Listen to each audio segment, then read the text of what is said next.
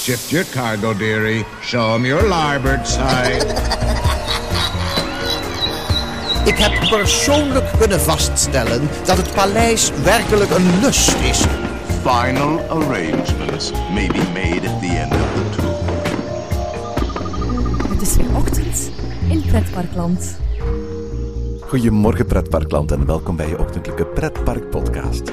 Mijn naam is Erwin Taats en vandaag spreek ik met animatronics ontwerper Rick van Riel.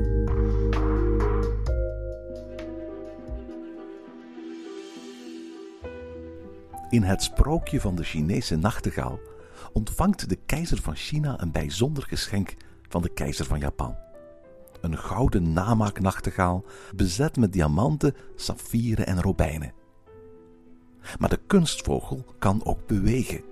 Terwijl een aanstekelijk wijsje uit zijn trillende snavel komt, verwikt de nachtegaal zijn vergulde lijfje kwiek en gaat ze met juwelen versierde kopje monter heen en weer. Het publiek aan het keizerlijk hof is onder de indruk. Elke avond mag het volk komen luisteren naar de gouden nachtegaal. En Hans Christian Andersen laat de kapelmeester van het hof zelf zeggen in het sprookje: Het mooie van de kunstvogel is dat de verklaring in het dier zelf is opgesloten. Want wanneer je de vogel openmaakt, zie je daar de vernuftige geest der mensen open en bloot.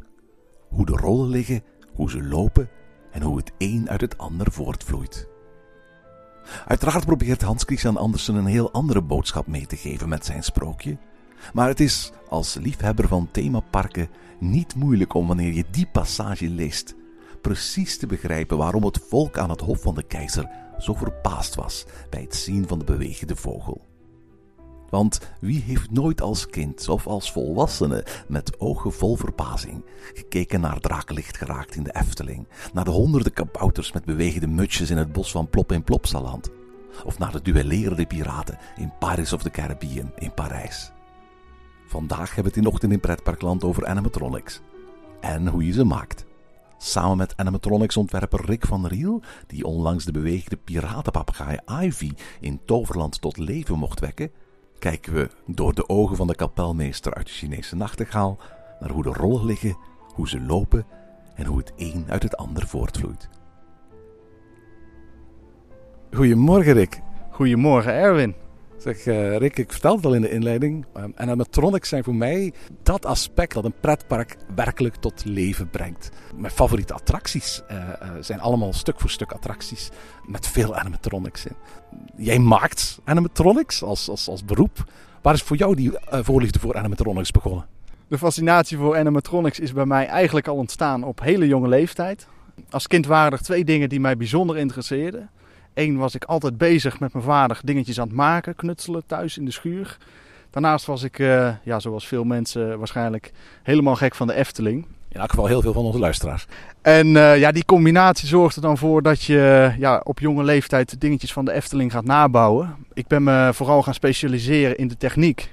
Ik heb een technische opleiding gehad. En uh, ja, aan het einde van mijn MBO-opleiding, mechatronica, ben ik ben ik eens gaan kijken van joh, is het mogelijk om, uh, om iets te gaan doen in de pretparkwereld met, met techniek en dan voornamelijk animatronics. Ja, waarom animatronics? Of met zo'n diploma zou je ook ergens bij spreken bij een achtbaanbouwer terecht kunnen of zo? Het fascinerende van animatronics vind ik vooral de, de, de link tussen, tussen de techniek en de vormgeving.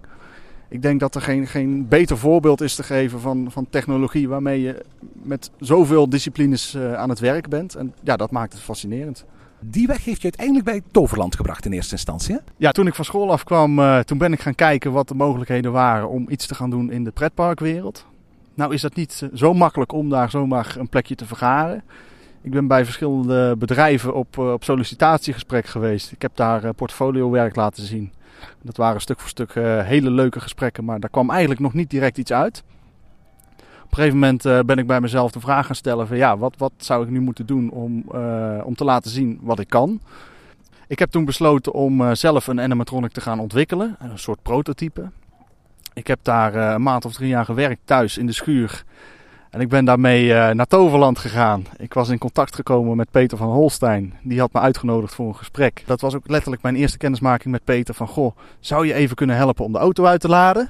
Ik heb vervolgens bij, uh, bij Peter en uh, Paul Omer daar dat ding opgebouwd in kantoor. En eh, na een kwartier, eh, toen stond hij en toen heb ik het showtje gedraaid. En eh, ja, dat was eigenlijk onze eerste ontmoeting daar. En Paul Omen en dus de technisch directeur en Peter van Holstein, wat vonden zij van, van, van jouw animatronic? Ja, zij vonden dat wel interessant, want eh, ze waren op dat moment net bezig met de ontwikkeling van de blitzbaan. En eh, daar moesten dus ook twee pratende hertenkoppen in komen. En eh, ja, zo is eigenlijk de opdracht ontstaan om daar eens een voorstel voor neer te leggen. Dat prototype dat je gemaakt had, was dat iets heel erg geavanceerd of viel het wel mee? Eh, nou, dat viel in eerste instantie wel mee, want eh, ja, ik heb het natuurlijk uit eigen zak moeten betalen. en ehm, ja, die werkte vooral met, eh, met DC-motoren. Er waren bewegingen die een begin- en een eindstand hadden, dus die konden allemaal maar op één snelheid bewegen. Ehm, wat daar vooral de uitdaging was om alle techniek in het lichaam te proppen eigenlijk. Want wat was het? Was het een soort dwergje of was het een, een trolletje? Het was een, eh, een beetje een eigen verzinsel. Het was een soort elfenfiguur. Dus wel echt op, op, op menselijke grootte. Ik heb daar geprobeerd om, om alle gewrichten gewoon te kunnen laten bewegen. Dus hè, de bovenarm, de onderarm, eh, het hoofd over twee assen. Ze had twee vleugels die konden bewegen. De heup die kon zowel kantelen als draaien. En dat zijn eigenlijk een beetje de basisbewegingen om zoiets geloofwaardig over te laten komen. Niet alle animatronics zijn, zijn gelijk. Je hebt verschillende soorten van animatronics. Ja, je kunt natuurlijk eh, afhankelijk van budget en afhankelijk van de toepassing kiezen voor eh, verschillende technieken om iets te laten bewegen. Wat je in de praktijk heel vaak ziet is, eh, is perslucht. Dat is een wat, wat robuustere techniek om dingen te laten bewegen, dus met luchtcilindertjes. Je kunt ook kiezen voor servomotoren, dat is een stuk duurder, maar daarmee kun je ook wel een stuk meer uit je bewegingen halen qua souplesse en, en qua mimiek. Weliswaar is dat vooral geschikt voor kleine bewegingen, dus niet voor de hele grote zware bewegingen. Ik hoor Disney altijd vertellen over hydraulische animatronics. Ja, dat is echt ja, de meest kostbare manier om iets eh, te laten bewegen. Het voordeel van, van hydraulisch is dat het eh, olie kun je minder samen persen als, als lucht. Daarmee kun je ook super mooie bewegingen maken. En dat zie je bijvoorbeeld in de, de Half Presidents. Heb ik het goed dat als ik niet al te veel geld wil besteden, de bewegingen mogen enigszins robuust zijn, maar mijn, mijn animatronic moet tegen een stootje kunnen, ik beter perslucht, eh, eh, pneumatica gebruik? Ja, dat is wat je in de praktijk wel het, eh, het vaakste ziet. Het voordeel van luchtdruk is natuurlijk ook dat het makkelijk in te bouwen is. Luchtcilinders die maken een, een lineaire beweging, dus een, een in- en uitgaande beweging. En dat is in de praktijk vaak ook het, het makkelijkste in te bouwen in een arm of in een been. Ja, want bij een eh, c- cilindermotortje dan heb je altijd een draaiende beweging en moet je nog ergens iets inbouwen dat die beweging op een of andere manier omzet naar een andere. Ja, als jij met, eh, met motoren werkt, hè, dus servomotoren, dan moet jij dus een bepaalde overbrenging in gaan bouwen. Waarmee je van een draaiende beweging een strekkende beweging gaat maken. En ja, dat kost ruimte. En betekent dat dan bijvoorbeeld dat in een, in, in een kleine animatronic, zoals bijvoorbeeld in Droomvlucht, dat je daar geen servomotor gaat gebruiken? Eh, nou ja, dat ligt er natuurlijk aan wat voor beweging dat je hebt. Kijk, een vleugelbeweging kun je heel makkelijk oplossen met twee tandwieltjes die tegen elkaar indraaien en een, een motortje met een excentriekje. Maar als je bijvoorbeeld een armpje omhoog laat gaan, ja, dan pak je weer een luchtcilindertje voor. Dus het kan ook een combinatie zijn van beide. Zijn animatronics duur?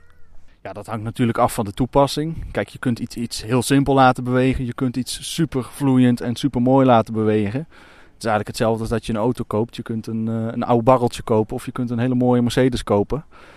Ehm, daarnaast is de toepassing natuurlijk een factor die heel bepalend is. De locatie waar ze staan, staan ze binnen, staan ze buiten? Welke techniek ga je toepassen? Maar ook ehm, hey, hoe, hoe, hoe belangrijk is de functie van een animatronic in een scène? Is het een figuur waar jij eh 10 minuten naar gaat staan kijken? Of is het een van de 20 onderdelen die je kunt zien in een scène? Dus een animatronic in, in It's a Small World kost een stuk minder dan bij wijze van spreken de Trollenkoning. Die zullen waarschijnlijk iets minder gedetailleerd zijn als de Trollenkoning. Hè, Trollenkoning sta jij twee minuten lang naar te kijken. Dus ja, die moet ook wel van een bepaald niveau zijn. Wil je mensen kunnen blijven boeien. En als jij in een scène komt waar, waar 20 poppetjes in staan en een uitgebreid decor wat mooi uitgelicht is, ja, dan ga je niet de hele tijd naar dat ene poppetje staan kijken. Dus ja, dan mag het ook wat minder ingewikkeld zijn. Wat, wat, is, wat is voor jou nu eigenlijk een, een goede animatronic? Ehm, ja, als we eventjes kijken binnen de Efteling, dan vind ik Hugo nog steeds een hele, hele fraaie animatronic. Dat is ook een, een figuur waar je twee minuten lang naar kijkt. Het- Moet inderdaad ook wel, hè? Absoluut, hè, want het is het enige figuur in de ruimte wat de mensen bezighoudt. Het is een goed ingesproken verhaal. Het, is, eh, het mooie van Hugo vind ik dat hij hele kleine subtiele bewegingjes kan maken. Dus zijn hoofd kan heel subtiel op en neer. Hè, dat is dus typisch een voorbeeld van servomotoren. Als je binnenkomt, dan, dan kijkt hij al een beetje rond en zijn oogjes gaan open en hij begint te vertellen. En dat houdt mensen gewoon twee minuten lang vast. Het is super realistisch, het heeft een mooi masker, het is gewoon super goed gedaan. Wat, wat ik altijd zo spectaculair vind, is dat ondanks zijn, zijn leeftijd, hè, Fata Morgana is, is ondertussen meer dan 30 jaar oud, dat ik dat nog altijd een, qua animatronics een heel indrukwekkende attractie vind. Ja, ik vind het zelf ook echt een fantastische attractie. Wat Fata Morgana bijzonder maakt, is, is de veelheid aan animatronics die erin staan. Ik denk dat je in deze tijd niet meer een attractie zult zien waar er gewoon 140 bewegende poppen in staan. Als je nou goed gaat kijken, dan kun je zien dat de animatronics op de voorgrond veel complexer bewegen als de animatronics op de achtergrond. Maar uh, wat, je, wat je heel duidelijk ziet, is, is dat er een aantal figuren zijn in een scène. Vaak zijn er twee of drie figuren die de aandacht trekken. En die zijn heel geavanceerd. En de poppetjes op de achtergrond die bewegen toch wat simpeler. Of die knikken alleen met een hoofd. Of hè, die lopen heen en weer.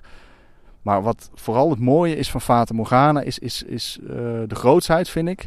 Je hebt hele uitgebreide scènes en de animatronics zijn daar eigenlijk maar een heel klein onderdeeltje in. Bovendien geloof ik ook dat een animatronic niet super geavanceerd hoeft te zijn om heel indrukwekkend te zijn.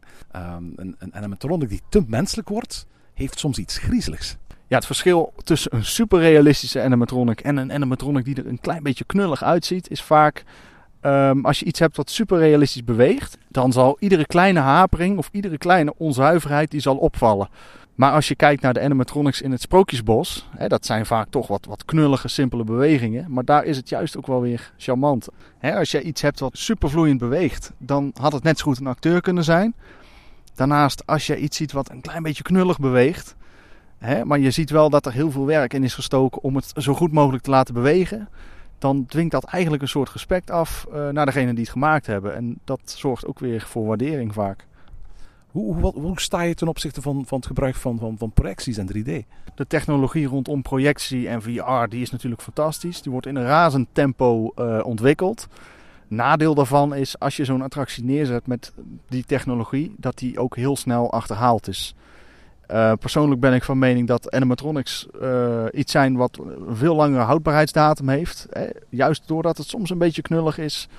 Ik vind, uh, waar we het net ook al over hadden, de iets wat kneuterige animatronic, die blijft nog steeds charmant. En ook op dat gebied kun je heel veel nog doorontwikkelen en doen. Nu, ik kan me voorstellen dat er luisteraars zijn die zeggen van, oké, okay, ik wil ook een animatronic maken. Wat heb ik nodig? Ja, wat heb je nodig? Um, het begint natuurlijk met de vorm. He, bij een animatronic draait alles om de esthetiek. De techniek is daar uh, volledig ondergeschikt aan. Meestal is het zo dat, dat er een, een bepaald ontwerp is. Nou, op basis van dat ontwerp ga je, dus, uh, ga je dus iets vormgeven. Dat kan zijn uit schuim, dat kan uit klei zijn. Uh, daar worden mallen van gemaakt, daar worden schaaldelen van gemaakt. En dat is eigenlijk ja, de basis van je animatronic, dus de vorm. Aan de hand van die vorm ga je techniek maatvoeren. Hè, dat kun je bijvoorbeeld doen door, uh, door die vorm in te scannen in 3D. Ik werk zelf heel veel met een technisch tekenprogramma, dat heet Inventor. En daar kun je dus je 3D-model importeren. Dan kun je in de computer eigenlijk heel je techniek gaan vormgeven. Dus hè, je moet natuurlijk zorgen dat het allemaal perfect erin past. De, gewrichten moeten op de juiste plek zitten. Hè. Je hebt een bepaalde bouwgrootte van je componenten die je gebruikt. Dus dat is allemaal nog niet zo makkelijk. Dat is vaak ook de grootste uitdaging om, om ja, alles in dat lichaam te proppen. Zit jij dan ook de hele tijd de anatomie van mensen en dieren te bestuderen? Van hoe, hoe bewegen ze om een zo natuurlijk mogelijke beweging na te kunnen bootsen? Ja, dat is natuurlijk wel een heel belangrijk onderdeel. Inderdaad, goed kijken hoe dat mensen of dieren bewegen, waar de draaipunten liggen. je bent natuurlijk altijd beperkt door de techniek. Maar je gaat wel kijken van hoe, hoe kan ik binnen alle beperkingen die er zijn, um, ja, hoe ga je dat zo goed mogelijk neerzetten. En uiteraard dan, dan, dan, dan begin je met techniek aan te schaffen. Ja, als je eenmaal je engineeringstraject gehad hebt, hè, dus dat is echt het tekenwerk, dan ga je materialen bestellen en uh, ja, dan ga je uh, het staalwerk ga je laten maken door een, een, staalbedrijf. En ja, dat komt dan een aantal weken later als een soort bouwpakketje aan, uh, aan. En dat ga je dan in elkaar puzzelen. En als je je engineering goed gedaan hebt, dan past het allemaal precies in elkaar. Maar goed, dat is de engineering. Er is nog een groot verschil tussen een, een, een werkend model en iets dat dan op commando beweegt. Kijk, als jij natuurlijk uh, de hardware hebt, dan heb je een stalen frame met, met, uh, met je actuators, zoals we dat noemen. Dus je luchtcilinders of je, je motoren. Maar ja, dat is nog geen, geen levend karakter. Dat is gewoon een, een saai stuk techniek. Dan is het nog geen animatronic. Hè? En animatronic, hebben net ook gezegd, dat draait alles om de esthetiek. Dus daar moet nog, daar moet nog een huidje omheen. Dus dat, dat wil dus zeggen dat er een masker op komt. Hè, er wordt een kop gemodelleerd, die wordt afgemald. Die wordt of uit een hard materiaal of uit siliconen gemaakt. Hè, als het moet bewegen met de mond, dan ga je het van siliconen maken. Daar moet kleding omheen. Dus daar zal iemand van een, een kledingatelier of een, iemand die goed kan, eh kleding, kostuums kan maken, die gaat daarmee aan de slag om daar een mooie kleding overheen te doen. Dan moet het vervolgens gedecoreerd worden. Dus dat, dat, dat het gekleurd wordt, hè, dat er verf erop komt. En eh, ja, dan heb je dus een, een karakter wat er mooi uitziet. Maar dan moet ze nog gaan bewegen. En dan ga je dus eh, dat hele ding programmeren. En dat is wel een van de meest belangrijke fases van, van, ehm, van het bouwen van een animatronic. Omdat je daar eigenlijk de overgang gaat maken van een, stuk techniek naar iets wat gaat leven. Ik neem aan dat je daar bestaande software voor gebruikt en dat je daar niet helemaal van nul bewegingen in gaat eh, coderen. Nee, er zijn inmiddels eh, anno 2018 eh, verschillende systemen op de markt gericht op show control. En die passen we dan ook toe bij, bij het programmeren van een animatronic. En daar is ook alle apparatuur die je gebruikt, alle actuators, die zijn daaraan gekoppeld. In de praktijk heb je dan eigenlijk een soort tijdlijn waar de audio op zit. Hè? Dus in veel gevallen is dat gesproken tekst. En dan ga je eigenlijk beweging voor beweging, die ga je als, een, als zijn een soort laag over elkaar heen leggen. Ik heb bijvoorbeeld een, een soort eh, console met, met, eh, met, met schuiven. En dan, eh, dan begin je vaak met de mond om de mond synchroon aan de audio te krijgen. Dat is heel belangrijk. Dus dan ga je op die tijdlijn ga jij een soort piekjes tekenen waar de mond open en dicht gaat. En zo ga je eigenlijk beweging voor beweging ga je inprogrammeren. En die ga je ja, in een soort lagen over elkaar heen leggen. Het is echt gewoon gaan proberen, kijken wat het doet. Je hebt zo- zo'n paneel voor je met schuifjes, je kunt dat bedienen. Ehm, je kunt bijvoorbeeld een manier is, is, is live programmeren. Dus dat je de audio af laat spelen en dat je dan vervolgens met je schuif de beweging gaat maken. Dan ben je in de praktijk altijd te laat. Dus eh, in het geval van de mond ga je dat gewoon offline op je, op je computerscherm. Ga je gewoon op de tijdlijn ga je, ja, piekjes tekenen waar de mond open en dicht gaat. En ja, het is echt spelende wijze. En kijken van wat kan de techniek, waar zitten de beperkingen. En binnen die beperkingen probeer je dat zo goed mogelijk eh, ja, erin te, in te regelen, zeg maar. Is dit veel werk? Is dit, is dit het grootste werk of valt het best wel mee? Ehm, het is niet het grootste werk. Het is eh, sterk afhankelijk van hè, hoe, lang, hoe lang beweegt iets. Is het een, een loopje van 10 seconden of is het een stuk tekst van 10 minuten? En ja, je kunt iets heel simpel laten bewegen of je kunt er heel veel aandacht aan besteden. Hè, groot verschil is ook, heb je digitale bewegingen, dus hè, bijvoorbeeld de luchtcilinders, dat is gewoon in en uit. Of heb je analoge bewegingen die je helemaal kunt gaan positioneren. Hoe groot is de verleiding? Want je hebt daar zo'n zo'n robot, laat ik het eventjes zo noemen, die heel veel bewegingen kan. Om die ook bij wijze van spreken voortdurend te laten bewegen. Ook al hoeft dat op een bepaald moment niet. Ehm, het wordt vooral geloofwaardig als, er, ehm, als een animatronic niet continu heel sapastisch beweegt. Wat het vaak realistisch maakt zijn juist de hele kleine subtiele bewegingjes. Dus wat je bijvoorbeeld bij Hugo hebt, als, die, als, je, als je de ruimte binnenkomt, dan kijkt hij heel rustig heen en weer. En dan sluit zijn ogen weer en hij is weer even stil. Dat maakt het geloofwaardig. En als hij begint te vertellen, dan mag hij best wat, wat expressiever gaan bewegen. Maar ik zou hem zeker niet continu heel expressief laten bewegen, omdat je dan ook nergens naartoe kunt werken. En, en zeker als jij mensen inderdaad langer vast wil houden, dan, ja, dan moet je bepaalde contrasten inbouwen om te zorgen dat het eh, de mensen ook vasthoudt, de aandacht. Ja, ik geloof echt dat contrast hier het toverwoord is. Als je inderdaad voor zorgt dat een, een, een, een een grote spectaculaire beweging voorafgegaan wordt door, door rust of stilte, of een minimale beweging, dan gaat die ook veel meer impact hebben op de, op de kijker. Ja, dat klopt, want dan is het, eh, ja, het verrassingseffect is des te groter. Eh, je vertelde dat je, ehm, nadat je je prototype had laten zien aan, aan eh, Toverland, dat je de kans hebt gekregen van Toverland om twee animatronics te maken voor de, voor de blitzbaan daar. De, de, de bolbaan in de, de Magic Forest, of het Wonderwald heet het nu geloof ik. Ehm, hoe, hoe zijn die dingen ontstaan? Ehm, er is destijds vanuit hun de vraag gekomen of dat ik daar eh, eens over na wilde denken. Of dat mogelijk zou zijn. En daar een soort voorstel voor neer wou leggen. Dat hebben we gedaan. En eh, ja, uiteindelijk ben ik in samenwerking met de technische dienst... hebben wij eh, twee van die animatronics ontwikkeld. Dat begint ook weer dat jij een ontwerp krijgt van, eh, van in dit geval van Peter... van zo, hoe zo'n ding eruit moet gaan zien. Dan ga je vervolgens kijken van hè, waar zitten de draaipunten? Hoe, hoe moet dat ding gaan bewegen? Wat kunnen we ermee doen? Het zijn, zijn herten zeker hè? Ja, het zijn soort ja, hechte koppen die aan de gevel hangen en die daar hun zegje doen. Nou, vervolgens uh, dan zit je bij elkaar samen met de ontwerper en dan praat je daarover. Hij laat tekeningen zien. Hij heeft daar zelf al bepaalde ideeën bij van wat hij moet doen qua beweging. Nou, met die informatie ga je vervolgens uh, een schetsontwerp maken. Ik heb destijds ook een schaalmodel gemaakt. Gewoon van, heel simpel, van houten latjes. Maar gewoon eens om te kijken van hè, wat doet de beweging? Op welke draaipunten, waar moeten de draaipunten komen? Nou, dat laat je dan zien. Dat, dat bespreek je dan met z'n allen. En vervolgens ga je dat helemaal weer uitwerken in een technisch 3D-model. En dan kun je in de computer ook exact zien hoe die gaat bewegen. En uh, ja, als dat dan allemaal goedgekeurd is, dan, dan wordt het materiaal ingekocht. Hè, de onderdeeltjes worden, worden gefabriceerd. En dan, dan kun je het in elkaar gaan zetten. Dat, dat, dat waren eigenlijk je eerste twee animatronics die, die een, een vaste plek kregen in een pretpark. Ja, dat klopt. Dat waren de eerste twee animatronics die echt in een pretpark hangen. Ja, dat is natuurlijk super gaaf. Dat, daar ben je met z'n allen heel trots op als dat, als dat helemaal hangt. Het is niet eenvoudig, maar als het, ja, als het hangt, dat is gewoon super gaaf. Alright, die, die animatronics waren er. Daarna ben je bij, bij een van de grote namen in pretparkland aan de slag gegaan. En dat was Jora Vision. Ook voor hen heb je animatronics mogen maken. Ja, ik heb een jaar bij Jora Vision gewerkt. Ik heb daar een bijzonder leuk jaar gehad. Um, ik heb daar ook echt van alles gedaan. We hebben veel op locatie gezeten. We hebben een grote escape room in Parijs hebben we, uh, hebben, ja, mee aan mogen bouwen. Het was wel zo dat ik uh, naast mijn werk steeds vaker benaderd werd door uh, verschillende bedrijven. Van goh, ik zou hier eens over mee kunnen denken. En ja, ik moest er eigenlijk iedere keer nee tegen zeggen. En ja, dat begon me op een gegeven moment toch wel een beetje aan het hart te gaan. Ik denk, ik wil toch eens gaan kijken of het mogelijk is om, om voor mezelf wat te gaan doen. Dus als, als, als ik een animatronic nodig heb, dan bel ik vanaf nu Rick van de Real Project. Ja, je mag me zeker bellen, Erwin. Dan, uh, dan denk ik graag met jou mee voor een, uh, een leuke mascotte voor jullie podcast.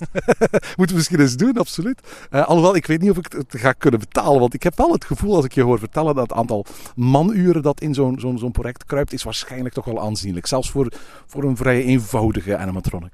Ja, het, zijn, het, zijn kostbare, het is een kostbare hobby, laat dat voorop stellen. Een van je grootste projecten heb je net afgerond als uh, Rick van Real Projects. Dat zijn uiteraard een tal van animatronics voor zowel Avalon in Toverland als voor Port Laguna. Ja, ik heb daar uh, voor een aantal figuren de techniek mogen verzorgen. Waaronder, uh, ja, waaronder de papegaai Ivy. Ja, ja, maar dat moeten we misschien nog eventjes vertellen. Uh, Port Laguna, dus de, de, themazone van Toverland, die heeft een eigen mascotte. En dat is Ivy, een piratenpapegaai. Ja, Ivy is ontwikkeld uh, door Nicky. Nicky Di Waldo, een van de ontwerpers van Toverland, hè? Er was vanuit merchandise was er de wens om een, om een mascotte te creëren voor Port Laguna. Dat is uiteindelijk Ivy geworden. En uh, ja, hoe begint dat? Je gaat bij elkaar zitten in een, uh, in een kantoor. Er worden tekeningen op tafel gelegd van Ivy. Dat is op dat moment alleen nog een schetsontwerp. Uh, nou, zij hebben daar een bepaald verhaaltje bij van wat dat ding gaat doen, hoe gaat die bewegen. Er zijn vanuit de klant natuurlijk altijd een aantal ideeën. En sommige van die ideeën die zijn, die zijn goed haalbaar, maar van andere dingen moet je soms ook zeggen van joh, dit gaan we anders doen. Um, in eerste instantie was, hadden zij bedacht van we gaan in de kist eronder gaan we alle motoren uh, verstoppen. En dat wordt met, met fietsremkabels wordt die, uh, die vogel in beweging gezet. Ik heb gezegd uh, dat gaan we niet doen. We gaan alle motoren in de vogel zelf verwerken. Dus er wordt nu alles moet een stuk kleiner. Ja, dat klopt. Dat maakt het wel uitdagender. Want je moet natuurlijk hele kleine motortjes uh, gaan bestellen die allemaal in dat lichaampje passen. En om dat allemaal zo te maat voeren dat het er ook in past. Uh, dat zijn ook bewegingen die in de loop van de tijd niet verslappen omdat kabels oprekken en dat soort dingen. Ik heb daar een schets of een, een 3D-ontwerp voor gemaakt. Ik heb dat helemaal laten zien hoe dat beweegt. En ja, dat is, dat is akkoord gegaan. Nu, Ivy is voor alle duidelijkheid een, een, een, een, een animatronic die buiten staat. Maar het is wel eentje met servomotoren. Ja, dat klopt. Nou is het wel zo dat Ivy onder een overkapping staat. En er zit ook een, een huidje overheen, waardoor uh, er in principe geen, geen vocht in kan komen. Ja, en winters gaat hij waarschijnlijk gewoon binnen. Winters wordt hij uh, wordt hij naar binnen gehaald. Sowieso voor onderhoud. En uh, ja, in Toverland is het zo dat alle animatronics uh, winters binnengezet worden. Ja, dus in, in, dat opzicht kan de schade bij wijze van spreken van weer en wind wat beperkt blijven. Ja, ja, ja. Hoe lang ben je met Ivy bezig geweest? Uh, nou moet ik zeggen dat Ivy redelijk snel gegaan is. Um, het meeste werk zit hem in de engineering, dus het, het technisch tekenwerk. Om zo'n uh, om zo'n papegaai, om dat mechaniek helemaal te maatvoeren, ben je gewoon twee, uur, twee weken ben je gewoon bezig om dat in de computer te tekenen. Het voordeel daarvan is, omdat je alles helemaal uitgedacht hebt en ieder boutje en ieder moertje is uitgedacht, laat je vervolgens aan de hand van die tekeningen je onderdelen produceren door een, um, door een metaalbedrijf. En je krijgt het vervolgens als een soort bouwpakketje krijg jij thuis en dan hoef je het alleen nog maar in elkaar te zetten. Is het zo dat je in die inventor ook al kunt zien hoe de dingen gaan bewegen? Ja, ik teken ieder, eh, ieder onderdeeltje teken je apart in Inventor. En op basis van die 3D-parts kun je ook weer je werktekeningen genereren voor de mensen die het moeten gaan maken. Maar het mooie van Inventor is dat je al die, die onderdeeltjes als een soort puzzel in elkaar kunt puzzelen. En daarin kun je ook al de complete beweging simuleren. Ah, dus je, je, je hebt zelf en je kunt ook een klant zoals Toverland al een behoorlijk goed idee geven van wat het uiteindelijk zal worden. Ja, je ziet al exact hoe de beweging wordt en wat die wel en niet kan. Nu, toen ik voor het eerst in Port Laguna kwam, stond Ivy er. eh, vrolijk eh, te roepen naar iedereen die voorbij kwam. Jij hebt Ivy er voor het eerst mogen zetten. Ja, Ivy heeft eh, wekenlang bij mij in, in de woonkamer gestaan. En eh, ja, het mooiste moment was wel eh, de, de ochtend voor de, voor de eerste opening. Toen hebben we Ivy eh, in het park gezet. En Dat is wel heel erg last minute. dat was heel last minute, ja. Maar dat, dat hoorde ook wel een beetje bij het werken voor Toverland. Ik kwam daar met Ivy onder mijn arm het park inlopen. En er kwamen langs alle kanten personeelsleden gillend aan van... Oh, daar is Ivy. Dus het is wel, wel heel leuk om te zien dat het ook onder het personeel al zo erg leeft. Terwijl nog niemand het eigenlijk gezien hebt, heeft. En eh ben je al eens ondertussen in Toverland geweest terwijl er mensen stonden naar te kijken? Ik heb me de eerste openingsdag eh, verdekt opgesteld. En ik heb wel even staan kijken hoe, eh, ja, hoe de mensen erop reageren. Dat is, als je daar zo lang mee bezig bent, is het super leuk om te zien eh, dat het mensen ook echt pleziert. En eh, ja, dat het ineens tot z'n recht komt. U hebt al meer dingen gedaan in, in eh, Port Laguna. En het Magie zijn is ook een soort van boegbeeld, zeemeermin, die tot leven komt tijdens de show daar. Hè? Ja, het bijzonder van dat beeld is inderdaad dat hij helemaal uit hout gesneden is. Ehm, dat beeld is gesneden door uh, Jozef Thijssen. Dat is echt een, een, een, houtsnijder, dus dat ziet er fantastisch uit. En daar zitten dus ook oogjes in die op en neer gaan. Er zit een mond in die gaat bewegen. En uh, ja, Jozef is bij ons thuis geweest en daar hebben we aan de keukentafel uh, alle bewegende technieken erin gepast en ingemeten. En normaal gesproken wordt in veel gevallen wordt zoiets uit schuim gesneden. En dan wordt het afgemald en dan wordt het, het, eindproduct wordt uit polyester gemaakt. Het voordeel van polyester is natuurlijk dat het en heel sterk is en dat het uh, heel dunwandig is. Want je hebt natuurlijk techniek die een bepaalde bouwgrootte heeft. En in deze was het wel lastig omdat je uh, een houten beeld hebt. Kijk, je kunt, uh, je kunt dat niet een halve centimeter dik maken, want dan, dan, dan splijt het gewoon open. Dus ik moest het techniekje heel klein houden om het ja, toch passend te krijgen in, dat, in het hoofd. En dat is gelukt. Dat is gelukt. Ja, eigenlijk is het al heel tof van Toverland dat ze een jonge gast zoals jij de kans geven om eigenlijk bij wijze van spreken uit het niks, gewoon door eventjes met een eigen gemaakt prototype uh, op bureau te laten komen, eigenlijk de animatronics voor hun themagebieden te laten maken. Ja, het is natuurlijk super cool dat uh, ja, zo'n grote organisatie jou het vertrouwen geeft om, uh, om dat soort dingen te maken. Want uh, ja, het zijn toch wel belangrijke onderdelen in, in, in een attractie. Het is ook een heel mooi portfolio voor jou. Absoluut, absoluut. Je bent nou niet meer de knutselaar uh, die thuis in zijn schuurtje dingen aan het maken is. Je bent nu wel uh, ja, op een serieus niveau uh, onderdelen voor pretpark aan het bouwen. Wat hoop je dat de toekomst brengt, Rick? Um, ik hoop op korte termijn lekker door te gaan zoals ik nu bezig ben. Ik heb al een aantal leuke nieuwe opdrachtjes weer in het vooruitzicht. Op lange termijn, maar dan spreek ik echt over binnen nu en tien jaar, lijkt het me heel gaaf om, om zelf iets te gaan creëren. Een eigen ontwerp, om dat uh, uit te gaan voeren. Ja, want nu maak je eigenlijk altijd animatronics in opdracht van een ontwerp van iemand anders. Ja, dat klopt. Uh, ik doe nu veel in opdracht en uh, daar zal ik de komende jaren ook nog wel mee bezig blijven. En dat is ook gewoon heel goed om ervaring op te doen. Is die markt eigenlijk wel groot genoeg? Want oké, okay, wat vorig jaar Efteling, die heeft 10 animatronics in Symbolica geopend. We hebben er dit jaar een aantal in, in Toverland gezien. Maar dat zijn zo'n beetje de enige animatronics waarvan ik me de laatste jaren in de Benelux kan herinneren die erbij zijn gekomen. Ja, dat klopt. Uh, dat is een vraag die, ik, die, ik vaak, die vaak, vaak gesteld wordt. Ik heb daar niet een heel concreet antwoord op. Ik weet wel dat ik op dit moment gewoon volop werk heb. Dus ja, ik ga gewoon door en ik zie wel waar het schip. In elk geval heel veel succes, Rick. En ik ben heel benieuwd waar in Pretparkland we de komende uh, jaren nog animatronics van Johan zullen uh, tegenkomen. We gaan het zien.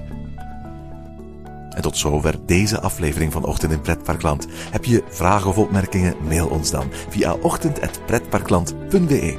Meer informatie over onze podcast vind je terug op www.pretparkland.be en nieuwe afleveringen download je via onze website of via iTunes.